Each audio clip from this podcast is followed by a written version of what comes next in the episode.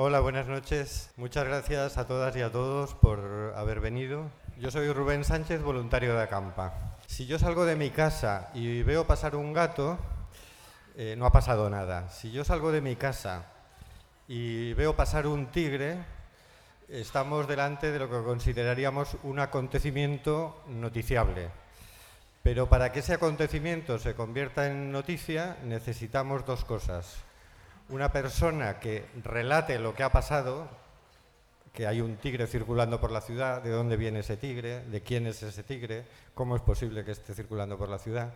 Y necesitamos de un medio de comunicación que publique ese relato. Cuando hablamos del tema de las migraciones y de las migraciones forzosas, no estamos hablando de un tema que sea el que más le preocupa a nadie. Entonces necesitamos, en primer lugar, una persona que haga el relato y para eso necesitamos una persona de una especial sensibilidad. No todos los periodistas les va a parecer eh, que esto es un acontecimiento noticiable. De hecho, a veces no está en los medios cuando está pasando todos los días. ¿no? Hoy tenemos el orgullo y el privilegio de contar con dos personas que sí tienen esa sensibilidad que es necesaria para hacerse eco de estas noticias. Por un lado tenemos a Nicolás Castellano, periodista en la cadena SER, especializado en contenidos sobre migraciones, cooperación y desarrollo. Durante los últimos 16 años se especializó en el fenómeno de la inmigración, siguiéndolo tanto en la costa europea como en las costas de salida de, las personas migrantes en sus países de origen, Marruecos. Ha escrito libros sobre el tema como Me llamo Adu, Premio Planeta 2017, Mi nombre es Nadie, De ida y vuelta, Fronteras 3.0, Aquí pintamos y contamos todos, etc. Ha sido reconocido con el noveno Premio de Derechos Humanos del Consejo General de la Abogacía Española, con la Medalla de Oro de la Cruz Roja Española y con el Premio de Periodismo Berta Pardal y el Premio de Periodismo Humano 2013, entre otros. Y contamos con Consuelo Bautista, jefa de informativos de Radio Coruña, Cadena Ser, desde 1993, Premio Ondas en 2003 por la cobertura del Prestige, directora de cátedra de Radio Coruña Cadena Ser con la Universidad de La Coruña, codirectora del curso de posgrado en Comunicación Radiofónica de Radio Coruña Cadena Ser y en la Facultad de Ciencias de la Comunicación. Y quien mejor está cubriendo este fenómeno de acampa. Eh, muchas gracias y adelante.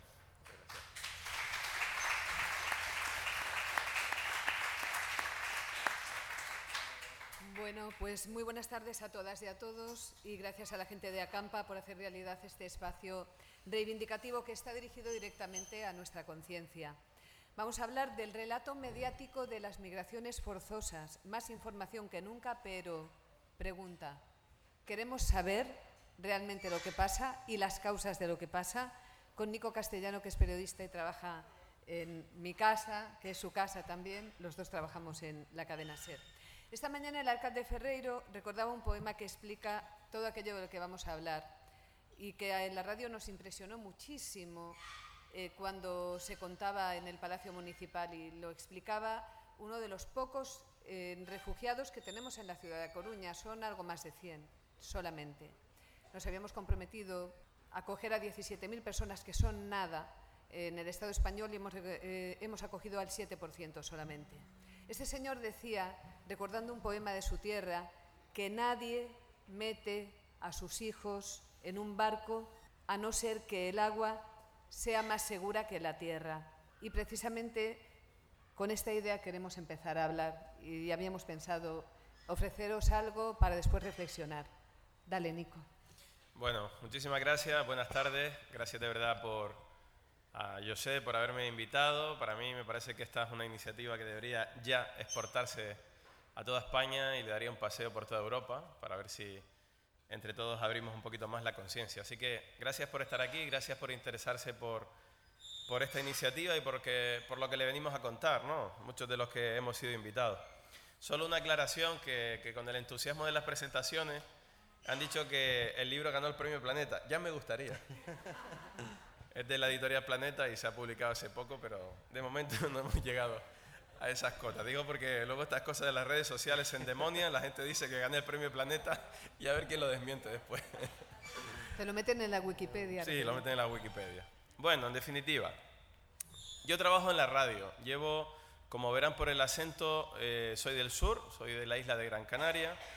Y eh, la primera noticia que yo hice a nivel nacional en la cadena SER el 26 de julio de 1999, desde mi isla, desde Gran Canaria, haciendo prácticas en la cadena SER, que en Ser Las Palmas, que es como la radio Coruña de allí, eh, fue precisamente el primer naufragio de una patera que tuvo lugar en la playa de la Señora, en el sur de Fuerteventura.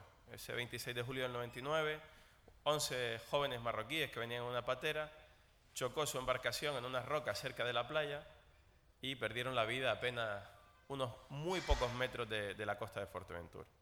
Desde entonces empecé a trabajar en este ámbito, desde el año 2000 ya de manera eh, directa, empecé a viajar a Fuerteventura, a conocer gente como Juan Medina, que es uno de los fotoperiodistas que tiene una de las exposiciones que pueden, que pueden ver. Disfruten de los fotoperiodistas del nivel que tienen en, en este encuentro, que es de lo mejor que hay. Y empecé a interesarme por las razones, los resortes, los por qué llevaban a esta gente a subirse a una barca y, como decía el poema, a jugarse la vida porque piensan que el agua es más segura que la tierra.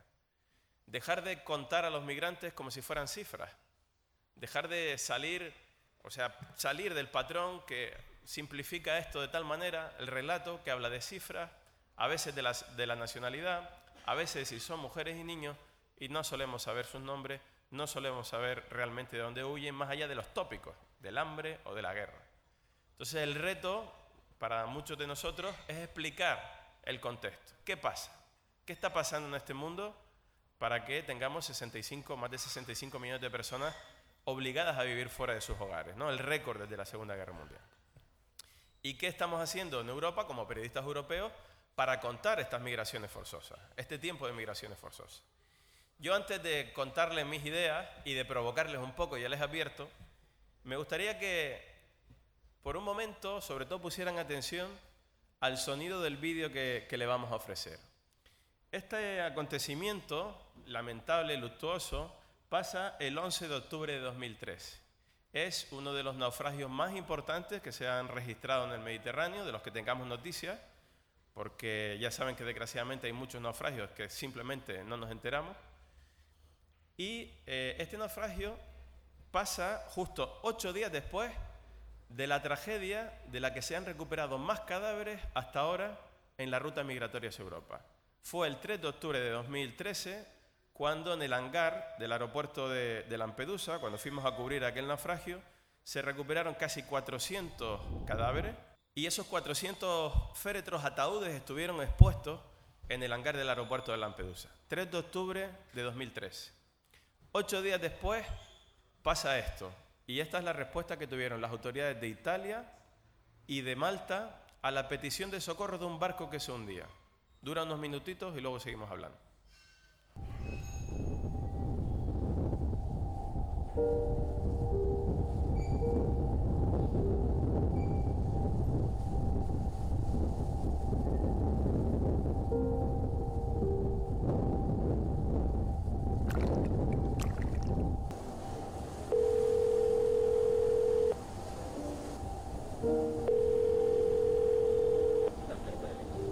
Hello. Yes, Okay, speak English. yes, speak in English. Yes, your position, Okay, your position. have a ship 300, 300 person is the ship on the board. Okay, I need- I 300 need person, 300, 300 Yes, 300. person on board. Yes, you have children, About 100 children and 100 women and uh, and one and uh, maybe 100 men. You are departed from Libya, from Yes. yes. Libya, Dwa- from Dwara. Zuara. Less than one hour. Please hurry. Water is coming into it. Please hurry. Please hurry. Please hurry. Please. Sir, you are moving or you are stopped? We are moving by the wind. I swear to you, we are very in a very hurry. So, Please, I'm a doctor. Please. what is the problem on board? the boat is going down. Yes. I swear to you, there about half liter water in in it in the bo- in the boat So, at the bottom of it. okay, your name, your name. My name is Muhammad Jammo. I'm a doctor. Muhammad Jammo. J. Jammo. I am Muhannad Jammo. Sir, repeat your position for, for another Now, one. our po- your position. position. Repeat. North 34 2018. It's the same. And East 12 42 and 05. Okay. Thank you, sir. Thank you. Thank you.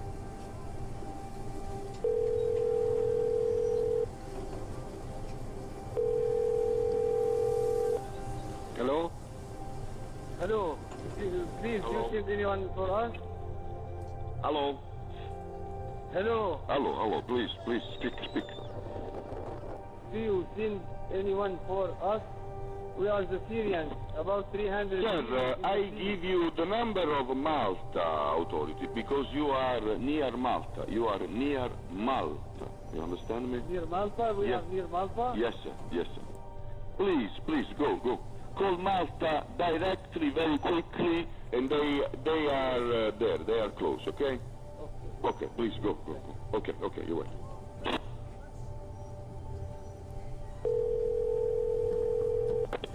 Sir? Hello. Sir, hello. Yes. I call Malta. They said that we are near to Lampedusa more than Malta. I give position. You have, the, you have the proximity for us. We are dying, please. okay, you are, uh, you are, uh, We are dying. 300 Yes, you are- you are have called Malta, you have called Malta. Don't throw us. Captain, run away. With, uh, without captain. You understand me? Yes, understood, understood. So, no captain. The captain ran away. We have a woman and- at abortion and two kids yes, injured. yes, yes. Call Malta, call I, I have no enough account on the mobile. It will cut. Please. You have Yes. my number now. You call me you, please. Yes, sir, you are, you are, you are, you are talking with Italia, Italia, but you are, Yes, you yes, are Italia. in Lampedusa. Maltese Lampedusa area. is due, due to Italia. Yes, you have to call Malta, sir. You have to call Malta.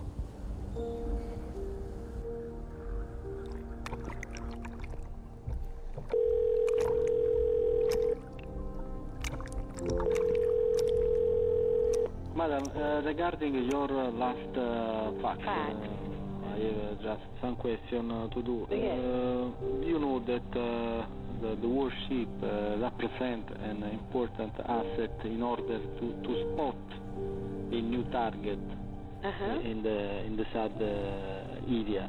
Mhm. Um, if you uh, want, if you need that we send uh, a warship uh, to save uh, the, the people, to rescue the, the, the people, Yes. after uh, with our uh, uh, warship, uh, we are in charge to transfer to uh, nearest uh, coast and Yes. uh, well, I think it is not a, a best way uh, to operate because after uh, we don't have asset in the area uh, able uh, to spot new targets. Okay. Uh, usually, Okay. usually. Is this uh, the P402? The P402 is this uh, vessel, the warship. uh, no, actually, it's not a PO2. P402. P42 is your vessel. No, P402 is an Italian naval ship. I don't know if it's your um, your vessel. Ah, well, well it probably it's a navy ship. It's Is it it's navy not ship? Coast Guard ship, so I'm not too sure about the.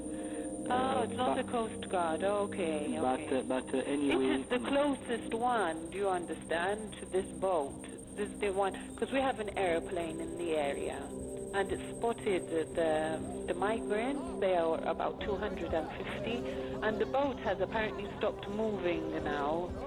And they keep ringing up, and they're saying they want, you know, when is the boat coming? And Th- that is the mm. nearest one. If it's if you can't send your ship, then we have to see what we have to do. do you un- we've we've also told a civilian ship to try and go to the area, but it's some 70 nautical miles away from it.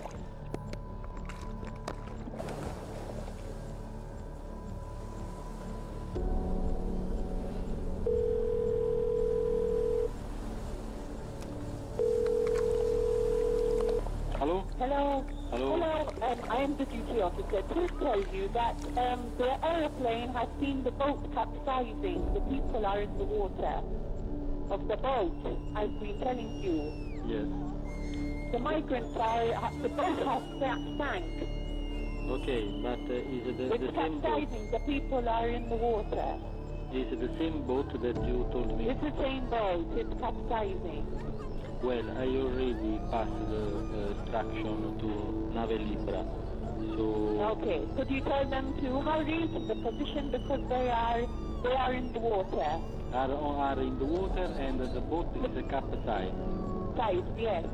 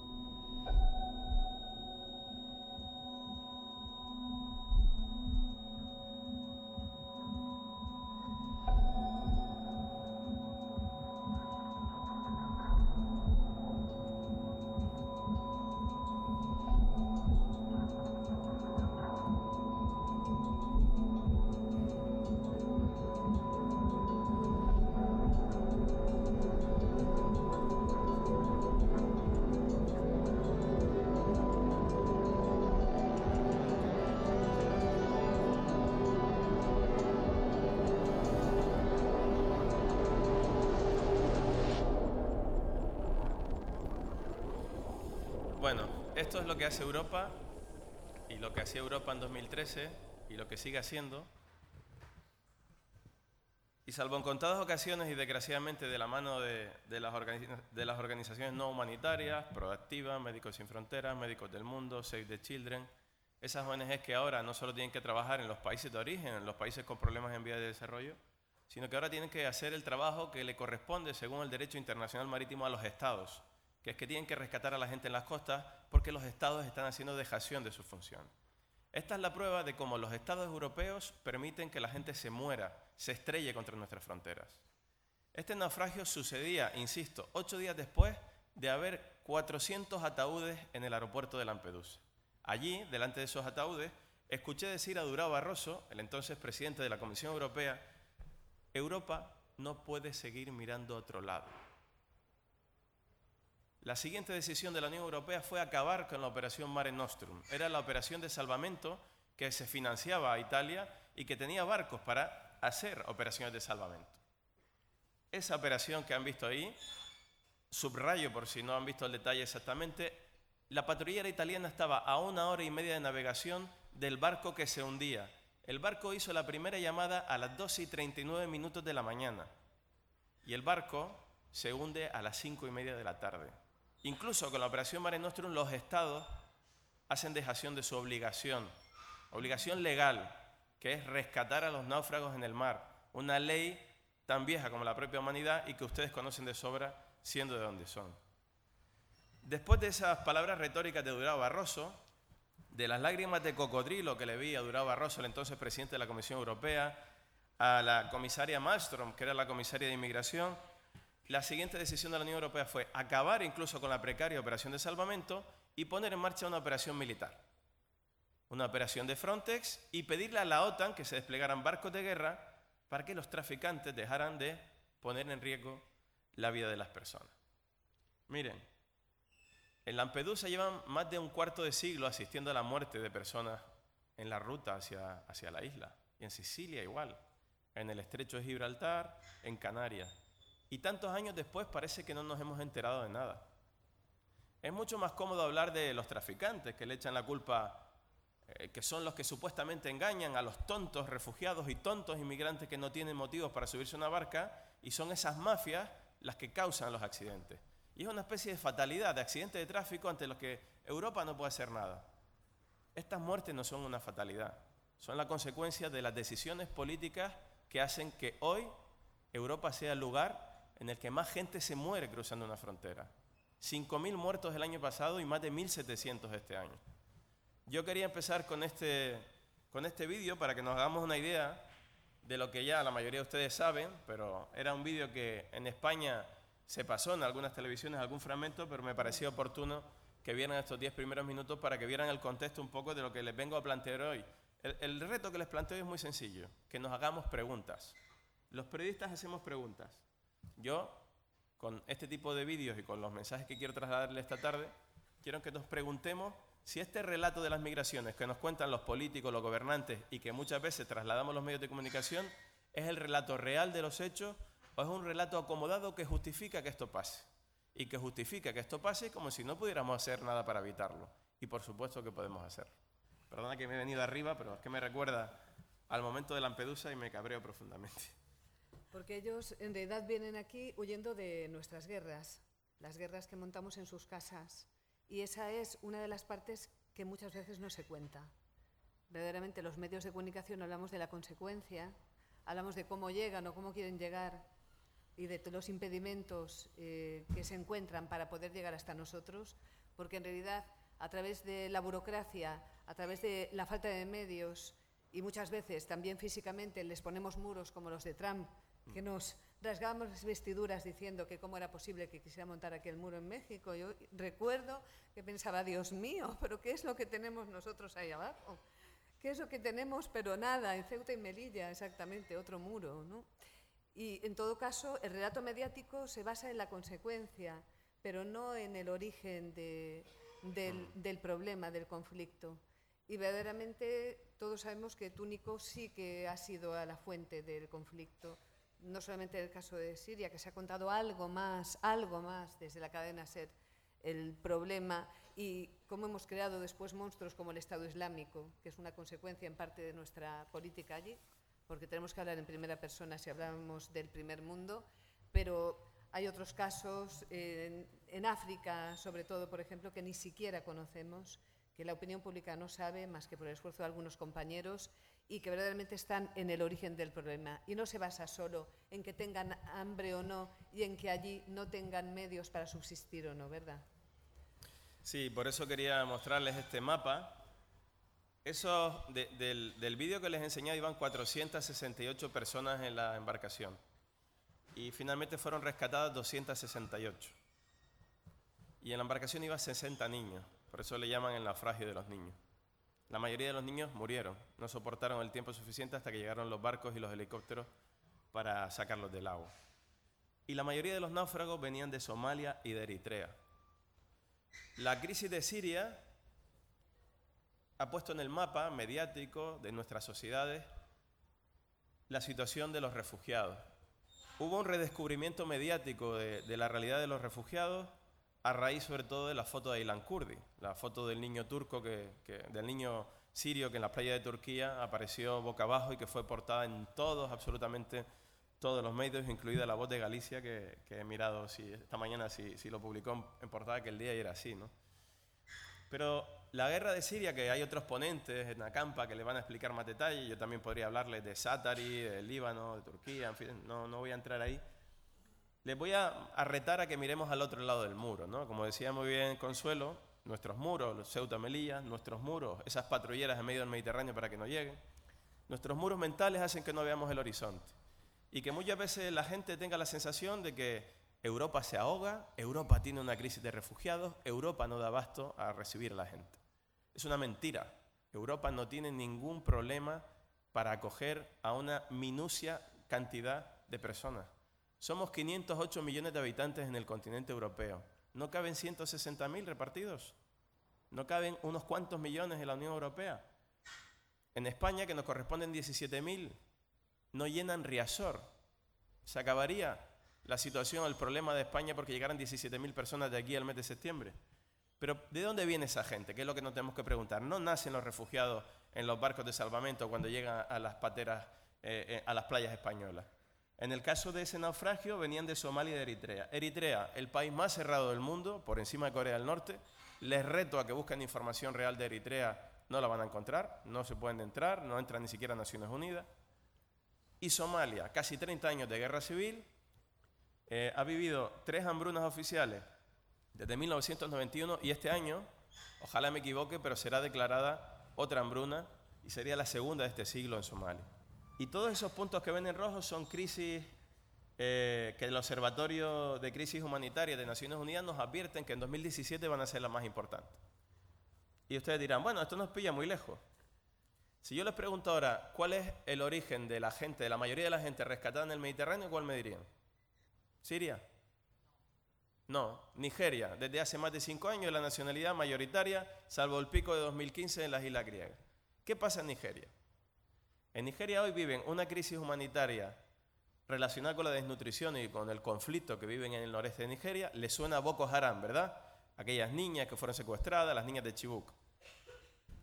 Pues en Nigeria hoy mueren 180 niños al día por, problemas relacionados con la desnutrición. ¿Han escuchado bien? 180 niños al día, y lo dice Naciones Unidas. En Sudán del Sur se ha declarado en abril la segunda hambruna de este siglo. Hay más de 2 millones y medio de niños en desnutrición aguda. En Somalia, la situación que les he descrito, 8 millones de personas necesitan la ayuda humanitaria para vivir, para seguir viviendo. Y en Yemen tenemos el cuarto escenario de las que serían las cuatro peores crisis humanitarias del momento por el riesgo que tienen sobre todo los niños menores de 5 años de morir de aquí a final de año. Nunca en la humanidad, desde que hay historia del movimiento humanitario internacional, se habían dado un contexto en el que hay más de 35 millones de personas que podrían verse afectadas por la hambruna a la vez en el planeta. Sí, en pleno siglo XXI, cuando producimos el doble de alimentos para alimentar el planeta en el que vivimos 7 mil millones de personas, hoy tenemos un escenario de cuatro hambrunas en el planeta. Una oficialmente declarada por Sudán del Sur y las otras no se han declarado por intereses políticos, porque las hambrunas tienen que ser declaradas por los estados o admitidas vía Naciones Unidas y no se van a declarar. No entremos ya en los otros 30 millones de niños que cada año, en la época actual, en la época del Sudur, en, el Sahel, padecen la desnutrición por la carencia de alimentos. Es decir, hemos creado un aparato de sufrimiento y de desigualdad que condena a millones de personas o a la muerte o a la desnutrición o al desplazamiento forzoso. En ese contexto es en el que digo que es mentira que Europa viva una crisis de refugiados. Porque de los 65 millones de personas que están obligadas a vivir fuera de su casa, a Europa apenas ha llegado 1.400.000 personas en los últimos tres años, con perfil de, de refugiados. El resto están en el sur. Y lo que es peor, de esas 65 millones de personas, dos de cada tres están dentro de sus países porque ni siquiera pueden salir esa idea que nos venden. No podemos acoger toda la miseria del mundo. Europa no puede ser el lugar al que venga todo el mundo. Es que no vienen aquí, es falso. Viene muy poca gente. Y a los pocos que vienen, o, se estrellan contra nuestras fronteras con nuestras medidas militaristas, o cuando están entre nosotros, precisamente, no les ponemos las facilidades para integrarse. Así que me parecía oportuno que miráramos un poco más allá de, de la crisis mediática de Siria y que entendiéramos las crisis que se ven, sobre todo ahora mismo en África eh, y en otras partes del mundo, para, para, entender lo que, lo que estamos haciendo. ¿no? Y, y, solo un comentario por lo que tú decías. ¿no? Pues de Irak, en Mosul le suena, pues muy pocos periodistas estamos yendo a contar las cosas. No porque no haya compañeros que quieran contarlo, sino porque luego vienen aquí o llaman desde allí y no les compran las informaciones. Los medios de comunicación tradicionales no envían corresponsales o gente de plantilla a cubrir esa guerra y si no sabemos lo que pasa al otro lado, vamos a ser menos conscientes y menos reivindicativos a la hora de pedir, de pedir a nuestro gobierno, por ejemplo, lo que pasó con la, con la Segunda Guerra de Irak, cuando todos salimos a la calle para exigir que no, el no a la guerra. Sabíamos muy bien lo que estaba pasando y que nos estaban engañando. Ahora tenemos muchísima información de lo que pasa en Siria, muchísima información de lo que está pasando en Libia, y yo no veo que salgamos a la calle. Y no lo digo como una crítica que somos vagos o que no, no tenemos de verdad una conciencia de que podemos cambiar las cosas. Todos los que están aquí la podemos cambiar, cada uno de nosotros, ¿no? Pero tengo la sensación que en este mundo actual eh, estamos un poco esclavizados por la solidaridad virtual. Todos compartimos cosas en Facebook, le damos a me gusta, es muy, muy eh, está muy bien, ¿no? Trasladar nuestras reivindicaciones a través de las redes sociales y de, y de las iniciativas, pero sin embargo yo creo que, como decía muy bien al principio, este tema no es uno de los temas capitales en nuestra sociedad y debería serlo. Debería serlo porque entre todos estamos asistiendo, con más conciencia o no, al tiempo en el que más gente muere ante más muros ¿eh? en la historia reciente de la humanidad. Y es un poco, el, quiero que se pregunten por qué. Es porque hemos perdido sensibilidad, porque solo queremos ocuparnos de nuestro bienestar y que nosotros no podemos hacer nada por lo que pasa en Somalia, por lo que pasa en Siria. ¿O es que nos quieren vender un mensaje infantilista, simplista, en el que no podemos acoger a toda la miseria del mundo y por tanto nos están convenciendo de que tenemos que cruzar los brazos? Quiero dejar la pregunta en momento. Algunos pensamos además que hay riqueza suficiente. Otra cosa es cómo se reparta, porque normalmente se está concentrando y cada vez más. Vamos al cantón y vemos que ya está el Santander ahí y ahí el pastor. Bueno, pues ya está, ya es uno, ¿vale? Y si pasa eso aquí, ¿qué no va a pasar a otros niveles con muchísimo más poder y con muchísimos más intereses. A mí se me ocurrió en alguna ocasión pensar que nos hemos vinculado tanto, nos hemos preocupado tanto del conflicto de Siria, de esa guerra, que repito, es una guerra nuestra en realidad, eh, porque ellos se parecen a nosotros. Y lo comentaba con Nico, ¿no? Decía, sí, se parecen más físicamente, pero es que además los de ellos que vienen se parecen especialmente a nosotros, porque esta persona que estaba pidiendo ayuda desde el barco era un médico, que no sabemos si vivió, sobrevivió o no. Sobrevivió. Mm. Pero en muchas ocasiones yo he leído cómo eh, venía gente con su título universitario pegado absolutamente al cuerpo para no perderlo en todo ese viaje que tenían que hacer, trasladando también a sus hijos sus enseres y al final dejaban sus enseres casi a un lado ya para seguir para seguir para adelante. Igual pasa con las personas que vienen de África, son verdaderamente de aquellos que son los que verdaderamente pueden llegar. Y ahí me acordaba del drama de la inmigración aquí en Galicia. Los que podían coger el barco aquí para irse a América eran los que verdaderamente podían pagar el pasaje para ir hasta allí, ¿no? Y verdaderamente aquí también había una estructura económica, social, que hizo que la emigración fuera pues una solución por una parte, pero también de alguna forma una dinámica que se crea para que en otros lugares haya un crecimiento. ¿no? Respecto a eso, verdaderamente, ¿qué pasa? ¿Por qué en Níger hay tanta hambruna? ¿Por qué hay tanta hambruna en Somalia? ¿Por qué se produce eso? ¿Es simplemente el hecho de que son personas que no saben cultivar su tierra? No me lo creo. Mm. Es un problema de desertización a consecuencia de la acción europea allí de la, de, la colonización y la posterior descolonización. ¿Son intereses comerciales? Cuéntanos un poco. Bueno, esto da para cuatro, para cuatro horas. Pero vamos, en resumen, el resultado de este mapa es el resultado de la desigualdad. Sí, hay 7 millones, digo, hay 7 personas en el mundo, 7 personas en el mundo que tienen más dinero que 3.500 millones de habitantes, que es la mitad de la población del planeta. Hemos construido un sistema económico que justifica, premia determinado, eh, determinado comportamiento de consumo. Y eso alimenta una maquinaria que hace que intentemos convertirnos a todos nosotros en el lado rico del mundo, en consumidores ávidos que no dejemos de, de comprar, pagar y hacer ricos unos pocos, y que hayamos partido el mapa para que en el otro lado, si se sigue muriendo, si esquilmamos eh, los fondos pesqueros de Somalia o de Senegal, luego nos quejemos que lleguen cayucos con senegaleses aquí, o que los somalíes lleguen a Italia y acaben naufragando en medio del Mediterráneo. ¿no? Saben, eh, Se acordarán de la, de la crisis de, de las hipotecas en Estados Unidos, ¿no? Goldman Sachs, etcétera, etcétera. Recuerdan que la burbuja se pincha porque los grandes fondos de capital invertían en fondos inmobiliarios, etcétera, etcétera, en hipotecas, hipoteca basura, etcétera, etcétera. ¿Saben dónde se refugió el capital que ya no funcionaba en ese momento porque ya no era negocio? Cuando salta la crisis de 2007? En la comida, en los cereales. Cuando en 2007 los grandes fondos de inversión acaparan cereal en el mercado de medio plazo de Chicago, que es donde se fijan los precios de los alimentos, del sorgo, del maíz, en fin, de los alimentos básicos que, que alimentan a la humanidad, los precios se disparan. Y en 2008 hay la llamada revuelta de la tortilla en México, la revuelta del pan en Egipto, y se genera toda una ola de protestas ciudadanas, que algunos incluso sitúan el origen de las primaveras árabes en este conflicto derivado del precio de los alimentos, y eso tiene unas consecuencias devastadoras para que millones de personas en África subsahariana especialmente, de nuevo la zona más pobre, no pudieran acceder a, los alimentos. Es decir, este mundo en el que la gente eh, rapiña dinero hasta el extremo, intenta ganar más al precio que sea, incluido el precio de millones de niños muertos de hambre para seguir haciéndome rico con mis fondos de inversión y especulando.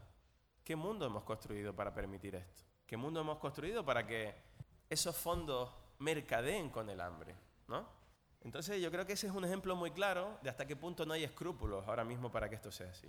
Si a esto sumamos que con nuestras leyes comerciales impedimos que muchos países de, de, África, de América Latina, puedan vender libremente sus productos en el mercado global, como hacen los países del norte hacia el sur, estamos dando con algunas de las claves que explican por qué cronificamos la pobreza en algunos de los países sobre todo del África subsahariana, aunque hay casos positivos en América Latina que han mejorado, han evolucionado muchísimo. América Latina, por ejemplo, ha reducido los índices de desnutrición de manera importante, cosa que se está revirtiendo ahora porque de nuevo las materias primas han bajado su precio y algunos de los países que estaban en plena ebullición de crecimiento, como Ecuador, están viendo mermado su desarrollo porque el precio del petróleo está bajando, etcétera, etcétera. ¿no? Pero estos elementos económicos que parecen que, ¿verdad? Que, no, que, están lejos de nosotros. Bueno, es que el hambre no tiene solución. Por supuesto que tiene solución. El hambre, como los naufragios, es una solución política. Ahora mismo, y además la FAO, eh, muchísimas organizaciones especializadas como Oxfam, Intermon, etcétera, etcétera, nos han trazado muchos mapas para acabar con, con el hambre en el mundo, ¿no? No sé si saben la cifra, pero la tengo que repetir. Se calcula que 968 millones de personas se van cada noche a la cama con hambre y que cada seis segundos muere un niño en el mundo por causas relacionadas con la desnutrición infantil. Y pasa por decisiones políticas y comerciales. No porque sea una fatalidad morir de hambre en el Sahel porque tenga una sequía. Tenemos medios tecnológicos, tenemos semillas enriquecidas, tenemos todas las herramientas para acabar con el hambre a medio plazo. Luego hay contextos más complicados. Es más complicado acabar con el hambre en Somalia con la guerra civil que tiene, o en Sudán del Sur, o en República Centroafricana. Pero esos conflictos alimentan otra industria, la industria armamentística. Miren, en Yemen, que es ahora mismo una de, las de las guerras más cruentas de la que tampoco se habla, ¿saben quién es el quinto vendedor de municiones ahora mismo? Un país llamado España. Nuestra industria armamentística está haciendo un gran negocio con la guerra de Yemen. En República Centroafricana, en Bangui, hace año y medio, haciendo unos reportajes sobre los desplazados internos, fui a un mercado, al mercado de Pekashank, el mercado más peligroso, se supone, donde enfrentaron empezaron los enfrentamientos que dio lugar luego a, la guerra en, en, República Centroafricana. ¿Saben lo que encontré en el mercado? Aparte de Kalashnikov, muy barato, encontré granadas, granadas explosivas, que costaban más baratas que una Coca-Cola. Y encontré munición, ¿Saben de dónde eran las granadas y la munición? De fabricación española. O sea que no, esto que vemos ahí lejos y que parece que no nos toca y que no podemos hacer nada y que no tenemos responsabilidad, sí, es responsabilidad nuestra también. Y nosotros podemos decir que basta ya y que no es nuestro nombre. Qué incómodo, ¿eh? Uf. ¿A que sí? ¿Sí? Ya dije que venía a provocarle. ¿Qué podemos hacer ante todo esto? Esa es la gran pregunta. Ante todo, desde mi punto de vista, querer saber. Porque nos preguntábamos al comienzo de la charla y es la pregunta verdaderamente que preside pues esta, este pequeño encuentro que tenemos, queremos saber, pues la realidad es que vivimos en un mundo global en que todo está interconectado y nuestra forma de vida afecta y cómo a lo que pasa en el otro lado. Quizás lo primero que tendríamos que quitarnos de la cabeza es el otro lado, ¿no? Y para eso el periodismo tiene también otro medio, que es el hablar de la historia real de ese refugiado que llega y que tiene naturalmente pues unos tics, que tiene unos sueños, que tiene unos miedos y que tiene unas necesidades. ¿no? Y como de eso también ha hablado y mucho Nico, a mí me gustaba que nos contara algunas de las historias reales que él ha podido conocer en diferentes lugares. A mí la de Adu me impresionó mucho, sobre todo por, por el relato que hizo el policía que le vio en el aeropuerto cuando estaba metido en una maleta, ¿se acuerdan? Es, bueno, no es vengo a ver de mi libro, pero tiene ahí el libro y verdaderamente es una historia real y una historia preciosa. Y yo quería leerles la historia mm, tal y como la cuenta el, el policía que vio a este niño dentro de una maleta en el aeropuerto. En la frontera del Tarajal, en Ceuta. En la frontera, en la frontera Tarajal, terrestre, sí. En Ceuta. Pues ahí un policía que estaba en un aeropuerto un día cualquiera, ve aparecer una maleta y dentro de la maleta se encuentra un niño y dice, recuerdo su mirada. Aquel niño tenía los ojos muy grandes y estaba viendo a tanta gente en uniforme a su alrededor que me imagino que se estaría preguntando, ¿dónde estoy? Yo no sé cuánto tiempo habría pasado en aquella maleta, pero el crío estaba sorprendido, como diciendo, ¿qué pinto yo aquí? ¿Qué hago yo aquí? ¿Qué me está pasando? ¿Quién es toda esa gente? Yo me llamo Adu. Cuéntanos la historia un poco de Adu, para contar una historia de alguien en concreto, además de eso que hablamos, los refugiados, esas personas que vienen y que no conocemos también y que se paran ahí en nuestros muros, por ejemplo, Ceuta y Melilla. Cuéntanos un poco. Bueno, sí, eh, el objetivo al final de poner un nombre es dejar de cosificar a los migrantes y a los refugiados. No son una masa, no son un peligro, son personas, cada una con su historia particular y con sus buenas, buenas razones para emprender este viaje. Adu es el niño de la maleta de Ceuta, el niño de la maleta que apareció el 7 de mayo de 2015. Y ese niño de la maleta, esa imagen que se veía en la foto del escáner, esa especie de muñeco marrón, ¿no? dentro de una maleta, algo inconcebible, desde aquella tarde del 7 de mayo de 2015, cuando yo la vi, para mí reflejaba el fracaso de Europa. ¿Cómo era posible que un niño para entrar a Europa tuviera que hacerlo de esa manera? De nuevo otra vez. ¿Quién es el culpable? La mafia, el padre.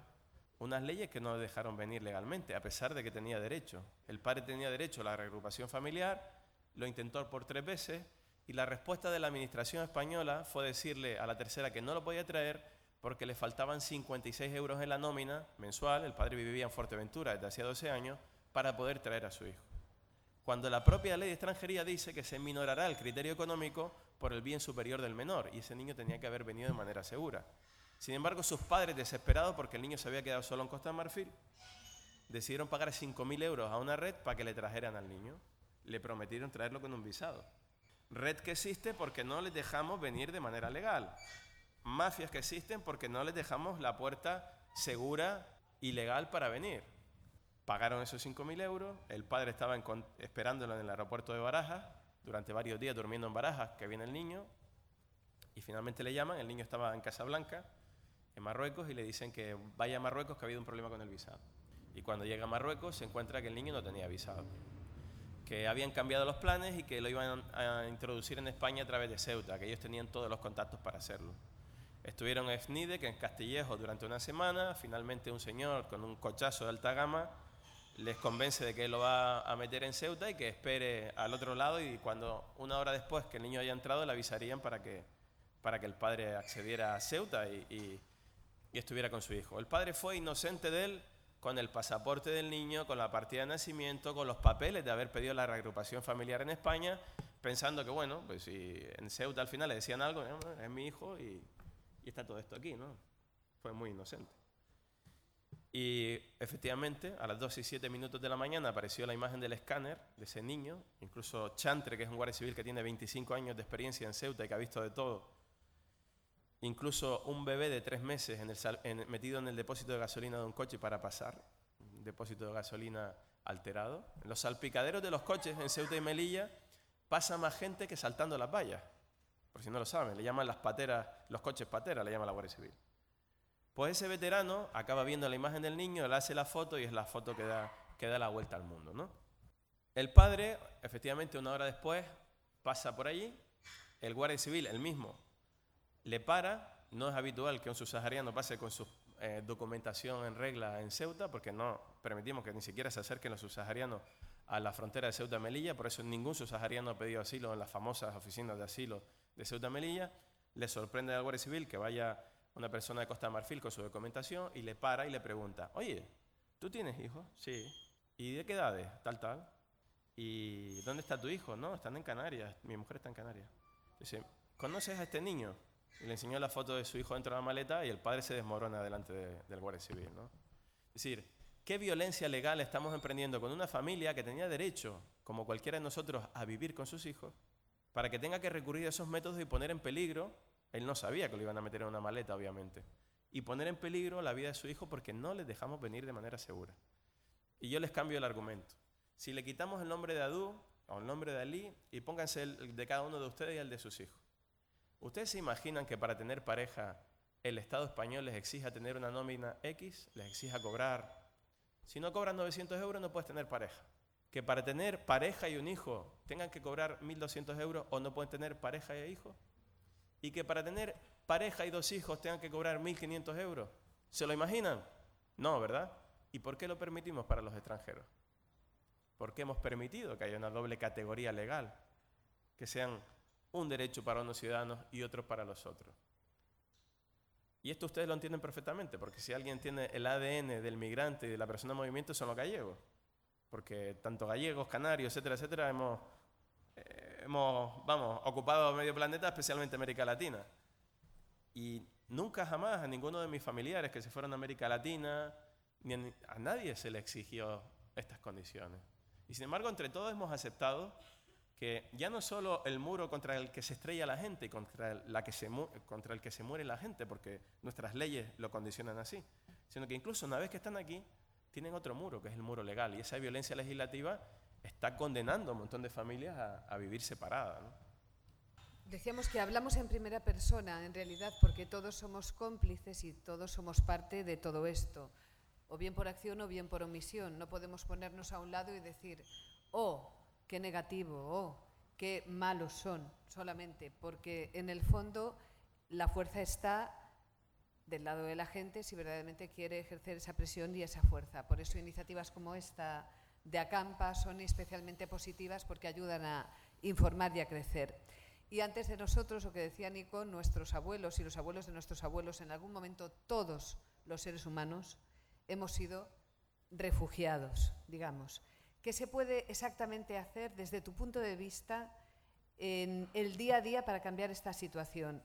¿Qué podemos pedir, por ejemplo, a los grupos políticos con representación y, por tanto, con una, digamos, capacidad, se supone, de maniobra, ¿no? para poder forzar al gobierno a hacer algo? Acabamos de ver una moción de censura que no ha prosperado por una serie de circunstancias anteriores y posteriores y demás pero verdaderamente también hemos visto cómo se ha, reprobado a un ministro con una mayoría parlamentaria distinta que sí que se ha construido. ¿Se puede hacer algo, por ejemplo, desde un solo país? Se puede hacer todo. Y aquí empieza el cambio, aquí, con cada uno de ustedes. Con decirle a nuestro gobernante, basta ya, no en nuestro nombre, así no. Yo no tengo aquí un ideario de soluciones mágicas y tampoco lo pretendo. Soy un simple periodista que cuento historias. Pero lo que sí sé es que no podemos seguir permitiendo este tiempo de migraciones forzosas y asistir con los brazos cruzados a que esto pase delante de nuestras narices. Entonces, como periodista, yo voy a intercambiar con ustedes un par de preguntas o de desahogo. Y si quieren, las se las contestan a sí mismos, si no, yo se las hago más bien desde el punto de vista del periodismo. Yo me pregunto, ¿esto se puede contar de otra manera a cómo lo estamos contando? Pues yo creo que sí, hay que dejar de simplificar las causas, hablar simplemente de cuestiones relacionadas con el hambre, con el paternalismo con el que tratamos muchas veces a la gente que viene, ¿no?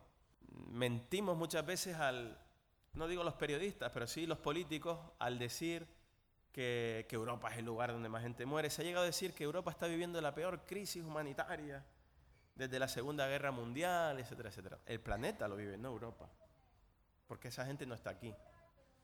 Entonces, resulta chocante tener que volver a recordar el artículo 13 de la Declaración Universal de los Derechos Humanos. Hoy en día, en el siglo XXI, en 2017, toda persona tiene derecho a instalarse en otro país. Costó mucho tiempo llegar a esa convención, ¿verdad? Pues ahora estamos asistiendo a cómo los estados con total impunidad violan los convenios internacionales, la Convención de Ginebra de, amparo a los refugiados o sus propias legislaciones en materia de asilo y refugio. ¿no? Así que yo creo que el, periodismo lo puede contar de otra manera y lo puede contar de una manera mucho más crítica para exigir eh, ese cambio. ¿no? Y no ayuda, y, siendo autocrítico, situar a un inmigrante como protagonista de un reportaje y que no sepa ubicar en el mapa dónde está en ese momento. Porque yo les aseguro y muchos de aquí han estado también en las islas griegas trabajando, etcétera, etcétera, que vienen con sus datos activados, saben eh, por la ruta eh, de, datos del Google, van colgando en Facebook su trayectoria durante el camino y nada más llegar, a, por ejemplo, a Lesbos, yo recuerdo perfectamente en 2015 que los sirios llegaban y ponían una nota de voz en el WhatsApp y la mandaban a Turquía o a Siria a sus familiares para decir que ya estaban ahí. Así que simplificar como que alguien está en medio del Mediterráneo y no sabe dónde está, no ayuda a, mostrar realmente el, por qué viene y quién es la, persona que viene ahí, ¿no? Es una cuestión de manuales periodísticos el hacer una buena información sobre, sobre la realidad de los refugiados y los inmigrantes. Es una cuestión de recomendaciones periodísticas, éticas, o es una cuestión de mirada, de cómo contamos esto, ¿no? Yo creo que la clave está en la mirada, en cambiar la visión de esto como si fuera un flujo de números y algo irremediable, sino exigir el cambio, ¿no? criticar lo que pasa en la frontera sur española. Hemos sido todos muy solidarios con lo que pasa en Grecia, en Italia. ¿Qué le puedo decir yo? Que estoy acostumbrado a viajar a África y, a intentar poner en el mapa lo que pasa allí, ¿no? Pero aquí pasó el Tarajal, el 6 de febrero de 2014. Funcionarios con uniforme de la Guardia Civil disparando material antidisturbios al agua cuando un grupo de jóvenes intentaba pasar de la, de la playa de Marruecos al Tarajal en España las, famosas devoluciones en caliente, que es un eufemismo de las expulsiones. Cada día se violan los derechos humanos en España. Y sin embargo, los medios de comunicación generalistas en España no dan esa información de manera suficiente y de, la manera suficientemente crítica. Es mucho más cool hablar del último naufragio en Lesbos o en Gíos que de hablar de la violación de los derechos humanos que comete el Estado español prácticamente a diario en nuestra frontera sur. ¿no? Tampoco está bien que nos hagamos eco de informes interesados del CNI, etcétera, etcétera, que nos advierte de que van a venir 30.000 personas a saltar las vallas de Ceuta Melilla. Después del Tarajal, el 6 de febrero de 2014, a los pocos días hubo un periódico que dijo que iban a venir 30.000 personas, que decía el CNI que iban a saltar las vallas. Era exactamente las mismas 30.000 personas que en octubre de 2015 protagonizaron la misma portada del mismo periódico. ¿Y saben por qué? Porque en octubre de 2015 murieron 13 personas tiroteadas en las valles de Ceuta y Melilla y fueron expulsados después al desierto del Sáhara. Y yo les pregunto, ¿vamos a seguir mirando esto desde nuestra orilla? Como si todo nos preocupara solo si, los migrantes llegan a Europa. Yo creo que esa, es la, gran clave, ¿no? ¿no? hablamos nada de los grandes campos, de los no lugares. El mayor campo de refugiados del mundo que está en la frontera de, Kenia con, Somalia, que es, el de Dadaab, hay medio millón de personas viviendo en un campo de refugiados, el doble de la población de Coruña. Doloado, en Etiopía, donde estuve con, con Sergi Cámara, uno de los fotógrafos que también tiene exposición en, en Acampa. Doloado es el segundo mayor campo de refugiados del mundo. Viven 213.000 somalíes aparcados en medio del desierto en una situación extrema. Les suena más Satari, que es el campo de refugiados más mediático que está en la frontera de Siria con Jordania, etcétera, etcétera. No lugares, y luego una cosa muy periodística, porque creo que tenemos que ser autocrítica, porque ustedes, buena parte de la visión que tienen de la sociedad es por la que damos los medios de comunicación. Miren, los periodistas muchas veces le echamos la culpa al jefe, ¿no? O decimos que no da audiencia. Ahora está de moda, cuando hablas con las televisiones y hablas de estos problemas, que los refugiados nos bajan la audiencia. Hubo un momento, después de Ilan Kurdi, que todos queríamos saber más, y ahora dicen las curvas de audiencia que la gente no lo quiere ver, ¿no? Yo creo que hay que dejar de, poner argumentos plañideras, hay que aumentar la calidad, hay que hacer mejores trabajos, hay que hacer un periodismo honesto y si no nos queda otro remedio, eh, acudir a nuevos medios o acudir a prescriptores directos. Es mentira que no interese la información internacional. Hay productos recientes como la revista 5W, que tiene casi 2.000 socios ya, que se está vendiendo, que tiene mucho interés. Hay periodistas que se mueven eh, a diario, compañeros freelance, que para mí son unos héroes que se sigan eh, jugando todo para intentar contar cosas y a precios ridículos. Claro que se puede hacer otro periodismo y que tenemos que dejar de echar la culpa al jefe, ¿no?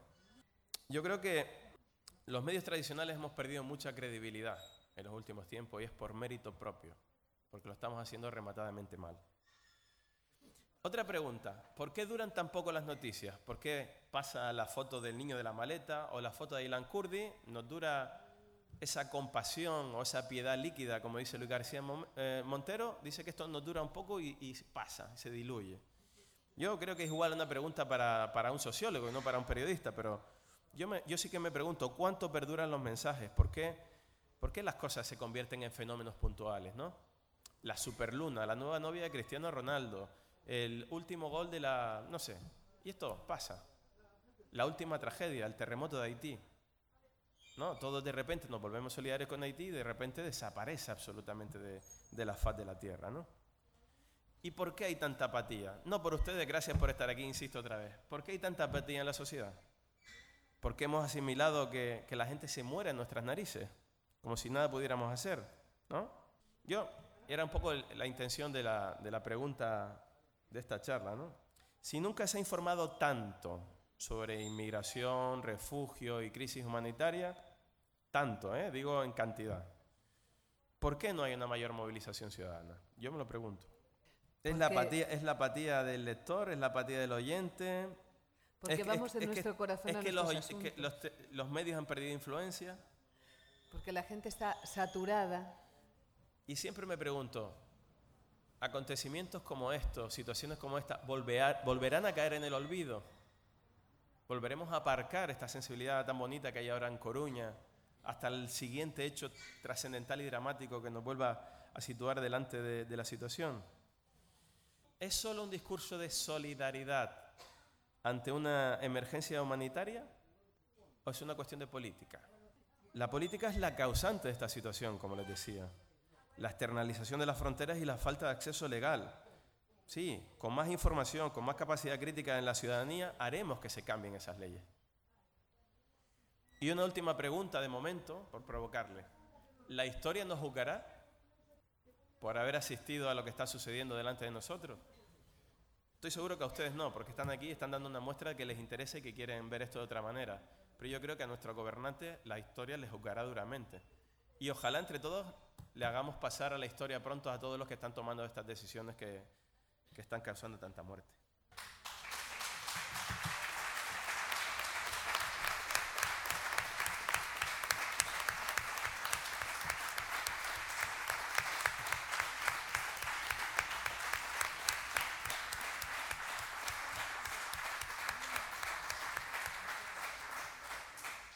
Bueno, creo que por alusiones les toca a ustedes. Por si quiere alguien responder algo. Que me, vengo arriba. Son demasiados años y, no, no, me puedo acostumbrar después de tantos años a seguir viendo que la situación en cuanto a, a nuestra frontera sur siga empeorando. ¿no? Muere mucho más gente ahora que cuando yo empecé en esto, en 1999. Así que tenemos que cambiarlo. Tenemos un micro a disposición, o sea que levantáis la mano y si no estáis muy lejos de la persona que está de pie, Aquí. Nico, has hablado sobre la necesidad de cambiar la mirada, desde dónde nos posicionamos como periodistas. ¿no? Yo creo que una de las claves es si nos situamos desde una posición de superioridad o desde la igualdad y desde el respeto ¿no? y sin infantilizar. Me interesa mucho que hables sobre esa mirada que crees que tenemos que cambiar y sobre el apunte que hacías de cómo mostramos a estas personas. ¿no? Yo, una de las características de tus crónicas es precisamente que las personas migrantes y que buscan refugio son las protagonistas. Gastan muy poco tiempo en tus introducciones y son ellas las que hablan, ¿no? Y es curioso que en España, que según las encuestas del CIS, la migración es una de las grandes preocupaciones, eh, las personas, la ciudadanía muchas veces se sorprende cuando escucha una entrevista con una persona migrante en la que no habla solamente sobre lo difícil que es el viaje, que es muchas veces en lo que nos quedamos, sino sobre sus análisis políticos, sobre las políticas de extranjería, el cierre de fronteras, ¿no? ¿Cómo es posible que llevemos 20 años de políticas de cierre de frontera en, España y que siga sorprendiendo a las personas, porque no tienen muchas posibilidades, escuchar a sus vecinos hablar eh, con el mismo nivel de profundidad y de respeto por parte de los periodistas que si fuesen blancos españoles. Es la clave. Con otra mirada tendríamos una visión más completa, otra mirada periodística tendríamos otra visión más completa de la realidad. Fíjate si está atrofiada la, visión mediática de las migraciones, que si yo les preguntara ahora a mucha gente cuántos inmigrantes creen que hay en España, y esto se ha trasladado en encuestas de opinión de Demoscopia, etcétera, etcétera, la mayoría de la gente responde en torno a un 25%, suele ser la respuesta, ¿no? En realidad en España hay ahora mismo un 10.5% solamente de población migrante. Eh, estamos en torno a 5 millones de personas, un poco menos. Muchos se fueron con, con el inicio de la crisis y otros muchos han conseguido la, la nacionalidad española más de 1.800.000 personas desde el año 2005 y son ciudadanos igual absolutamente que nosotros. A mí me da igual que tengan el pasaporte o no, pero si ya con el pasaporte no hay excusas para tratarle de manera diferencial en esta legislación que hablaba, ¿no? de doble categoría. Y si hablamos de la composición de esa población migrante en España, mucha gente tiene la visión atrofiada por culpa de los medios de comunicación, que la mayoría serían personas que han llegado por vía irregular marítima o que han llegado de manera eh, eh, irregular a España. De esos 5 millones de personas, menos del 1% ha llegado a través de las vallas o en pateras a España. Menos del 1%. Sin embargo, la proporción mediática de esas personas frente al resto de la ciudadanía extranjera, pues seguramente ese 1% acapara el 70% de la cobertura mediática y el resto el 30%. Otra cosa que hacemos muy mal los medios de comunicación es centrarnos solo en lo malo. ¿no? Cuando hay ejemplos fantásticos de convivencia, de ciudadanía, de mucha gente que nos ha aportado muchísimo y nos está aportando muchísimo. ¿no? la diversidad cultural, la riqueza que nos está aportando gente que venida de todos lados. ¿no? Y a mí me, siempre me, me hace mucha gracia cuando, cuando empiezas a hablar de esto, ¿no? en determinados foros, etcétera, etcétera, cómo simplificamos las cosas. ¿no? Y cuando yo, cuando me invitan a charlas, etcétera, etcétera, llevo un amigo senegalés que sabe más de Cervantes que yo, o llevo un amigo que sabe más de música española que yo, la gente se sorprende. Como si fueran ay, pero no, no eres un pobrecito senegalés que te mueres de hambre y que ha venido aquí en patera. ¿No? Estos días, el 20 de junio es el Día Mundial del Refugiado, van a oír muchos relatos de refugiados. Y, y, se tiene la sensación muchas veces con ese paternalismo con el que tratamos a los inmigrantes y a los refugiados en los medios de comunicación, que son pobrecitos, hay que cuidarles, hay que tal, y no tienen condiciones, y viven de la pobreza y no tienen formación. El pueblo sirio es seguramente uno de los pueblos más cultos que hay en, nuestra civilización cercana. yo estuve en Siria antes de la guerra, he conocido a muchos sirios en el trayecto, tienen más formación que yo, hablan más idiomas que yo y, pueden aportar muchísimo. Esto lo entendió muy bien Angela Merkel, cuando en plena crisis de los refugiados, Angela Merkel, ¿quién nos iba a decir que parecía progre esa señora en el discurso de, de acogida de inmigrantes? Dijo, esta gente va a aportar a Alemania, necesitamos gente cualificada, mano de obra, necesitamos familias que tengan hijos. Con esta visión periodística de la sociedad de, la inmigración, se impuso otra, otra corriente en un momento que era poner los beneficios económicos que generaba la inmigración a España como un valor para explicar que eran buenos para nosotros. ¿no? Se acordarán Zapatero que decía que con la regularización el aporte que hicieron a la seguridad social permitía que en los próximos 20, 25 años estuvieran garantizadas las pensiones porque todas esas personas que estaban trabajando en la economía sumergida y haciendo ricos unos empresarios, de repente empezaron a cotizar y a beneficiarnos a todos como sociedad. ¿no? Entonces, este, este concepto de usar y tirar. Los inmigrantes no son útiles, los usamos. Los usamos en el bus de la construcción, da igual que tengan contrato o no, a mí me hacen rico. Y cuando llega la crisis y llega el paro, que se vayan, los tiramos. ¿no? Entonces, si ampliamos esa mirada, yo les voy a dar un dato sociológico. El índice de natalidad en España está por debajo de dos niños por mujer en España, 1.7 creo ahora mismo.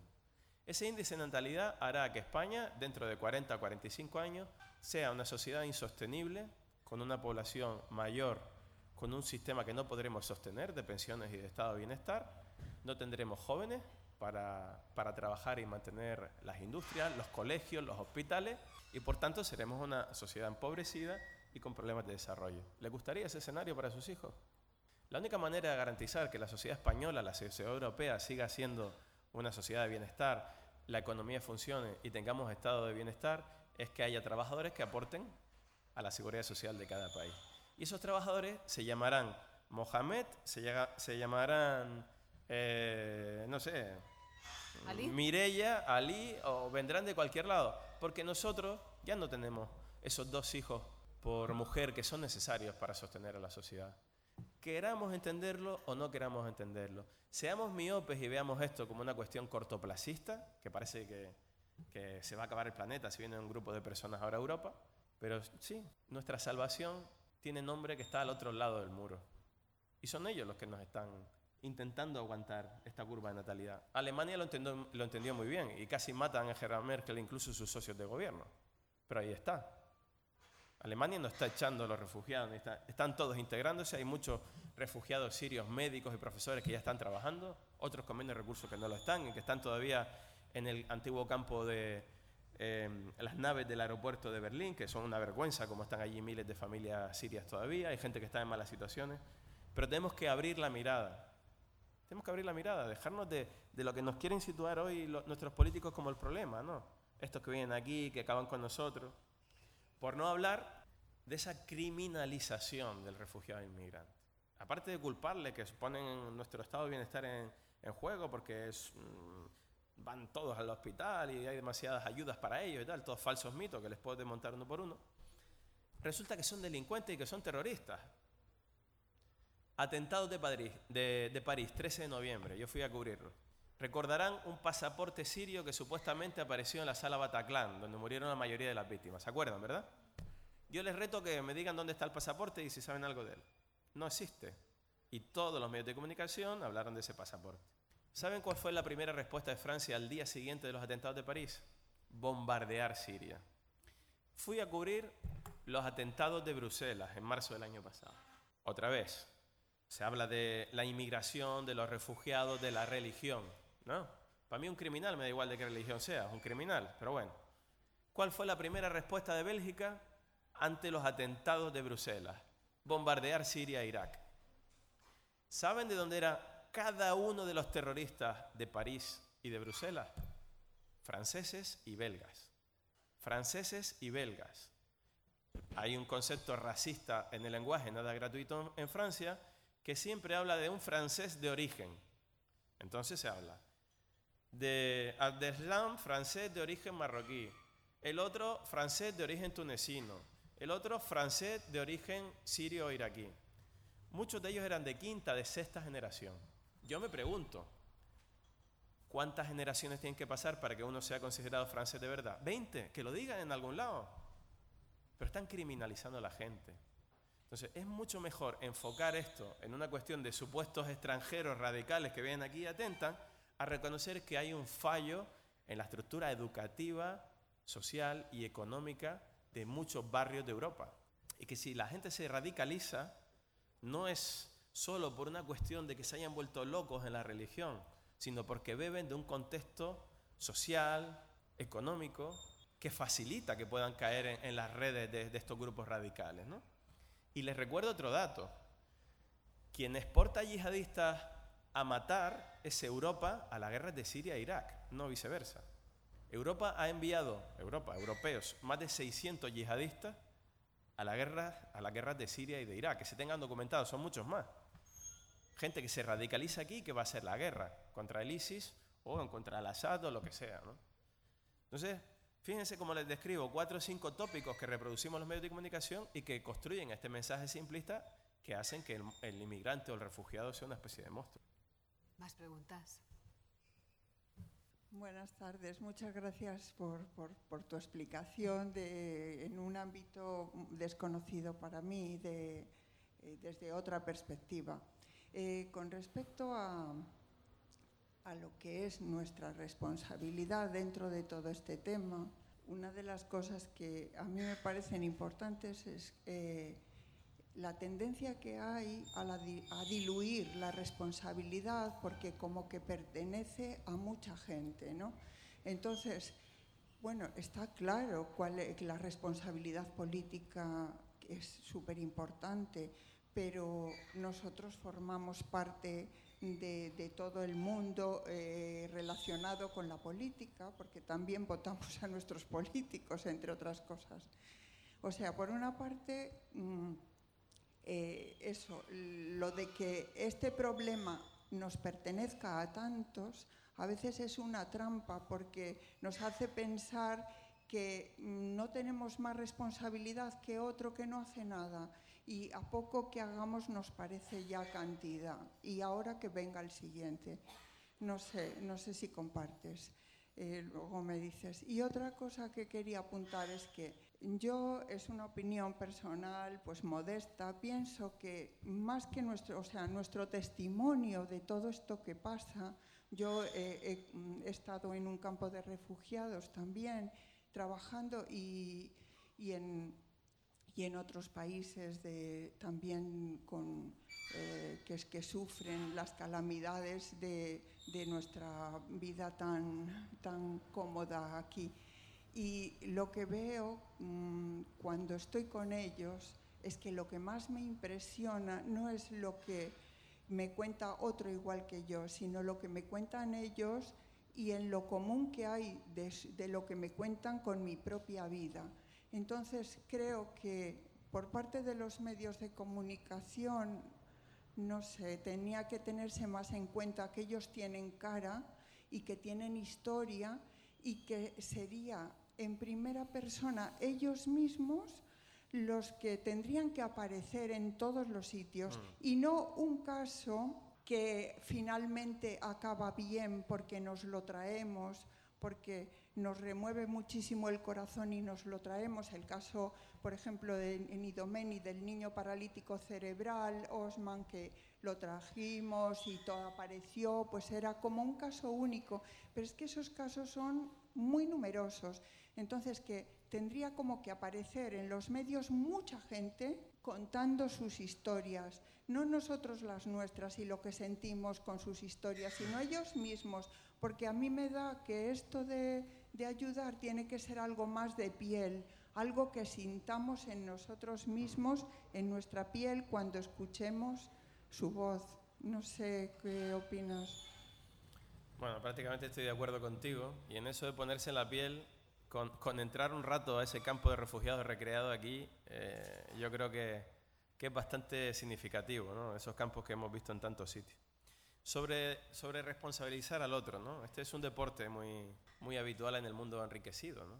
Ah, ¿yo qué voy a hacer? No, no, si lo gobierno no lo podemos cambiar, no puedo hacer nada al respecto, etcétera, etcétera, ¿no? Pues claro que podemos hacer. Y este, este país ha dado muchas muestras de que se pueden hacer cosas y que se pueden cambiar las cosas, ¿no? Yo creo que responsabilizar a otro y cruzarnos de brazos no forma parte de, de una ciudadanía concienciada y, y una ciudadanía que, que no se conforma con, con, el relato oficial de los hechos y tú eres una muestra de ello, ¿no? Estás aquí, has ido, has sentido, has vuelto y estoy seguro con la labor que has hecho de divulgación de tu experiencia, estás contribuyendo a que estas cosas cambien, ¿no? Sobre darle más voz a ellos mismos, totalmente de acuerdo. O sea, y, y, no solo ser las voces que, que, están en un campo de refugiados y que pasan una situación, sino incluso todas las personas que ya están entre nosotros, mis, mis compañeros, mis conciudadanos, sean de donde sean, formen parte de ese 10% de la sociedad, que estén en, tertulia, que salgan en series de televisión y no eh, victimizados o, con caricaturas como para, pasaba con Aida, ¿no? con aquel Machu Picchu, en fin. Tenemos que construir un relato más rico. El relato no solo lo construye las noticias convencionales, ¿verdad? Y eh, sobre los casos individuales me pone una oportunidad muy interesante sobre la mesa. La labor de la sociedad civil y de las ONG es impresionante y y fíjate proactiva lo que ha logrado que un montón de gente de repente mire hacia el Mediterráneo, mire hacia las islas griegas, etcétera, etcétera. Voluntarios, ProEmate, un montón de, gente como ustedes que se fueron a los campos de Grecia y que sensibilizan. Entonces, en un momento dado, cuando ustedes conocen a ese niño con parálisis cerebral o fulanito, dicen, lo tenemos que sacar de aquí, voy a llamar a quien sea Coruña y que me lo saquen de aquí. Entonces estamos solucionando un caso después de muchos problemas. Resulta que ese caso no lo soluciona un gobierno que queda muy bien delante de la sociedad porque acaba de traer a una persona que está en situación extrema a nuestro país. Nos están tomando el pelo. No se trata de solucionar un caso, por muy grave que sea. Se trata de que es igualmente justo y tiene el mismo derecho cada uno de los ciudadanos que están en el campo de refugiados.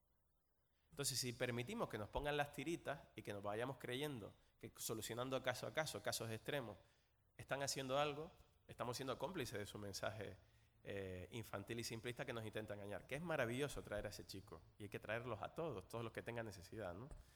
Pero, pero yo creo que, que es una parte de la trampa el caer en el caso por caso y en pensar que con solucionando la historia de un niño o de una niña vamos a, a cambiar algo y no lo estamos cambiando. ¿no? Es, una, es una de las cuestiones que yo siempre me pregunto. Y los medios de comunicación somos cómplices de esto. Porque de repente ponemos el foco en fulanito, tal niño y tal, todo el mundo dirá que rique. Y los famosos en las redes sociales y tal. Estupendo, me alegro por el niño. Pero sigamos con el resto de los niños. No nos quedemos en uno en particular. ¿no? Yo es que me pongo a hablar. En la radio hablamos un minuto normalmente. Me dan más de un minuto y ya ven. Bueno, la cosa es, podemos seguir hablando, pero ahora va a empezar en, en la Plaza de las Conchiñas, que está aquí al lado, a las 10, una proyección de fotos de eh, Juan Medina y Sergi Cámara. Y luego ellos van a estar allí y nos van a ir también contando. Sí, sobre y de aquí a fotos. tardamos un poco. Yo voy a ir, ¿eh? no se lo pierdan. De verdad. O sea que continuamos la conversación en, Sí, en la Plaza de los Conchiños. ¿os parece? Muchísimas gracias y solo quiero terminar con una cosa. Un, un momento, un momento, que te- me lo he preparado y todo. Es un mensaje de, un artista canario que si han estado en... Muchos, muchos gallegos van por Canarias, o vivieron o van de visita. Pero si han estado en Lanzarote, sabrán que una parte fundamental de Lanzarote, de la personalidad artística, medioambiental de Lanzarote, el culpable se llamaba César Manrique. Y César Manrique, en su casa museo, en- debajo de un cuadro, en una muy cerca de su habitación, en Aría, tiene este mensaje. Y que a mí ustedes me inspiran mucho este mensaje. Y me gustaría que se lo llevaran con ustedes. Dice así, la suma de todos los individuos es lo que realmente producirá resultados. Cuando una amplia mayoría de la población sea consciente de la fragilidad y equilibrio del todo, seremos capaces de revertir la destrucción que hemos puesto en marcha. Muchísimas gracias.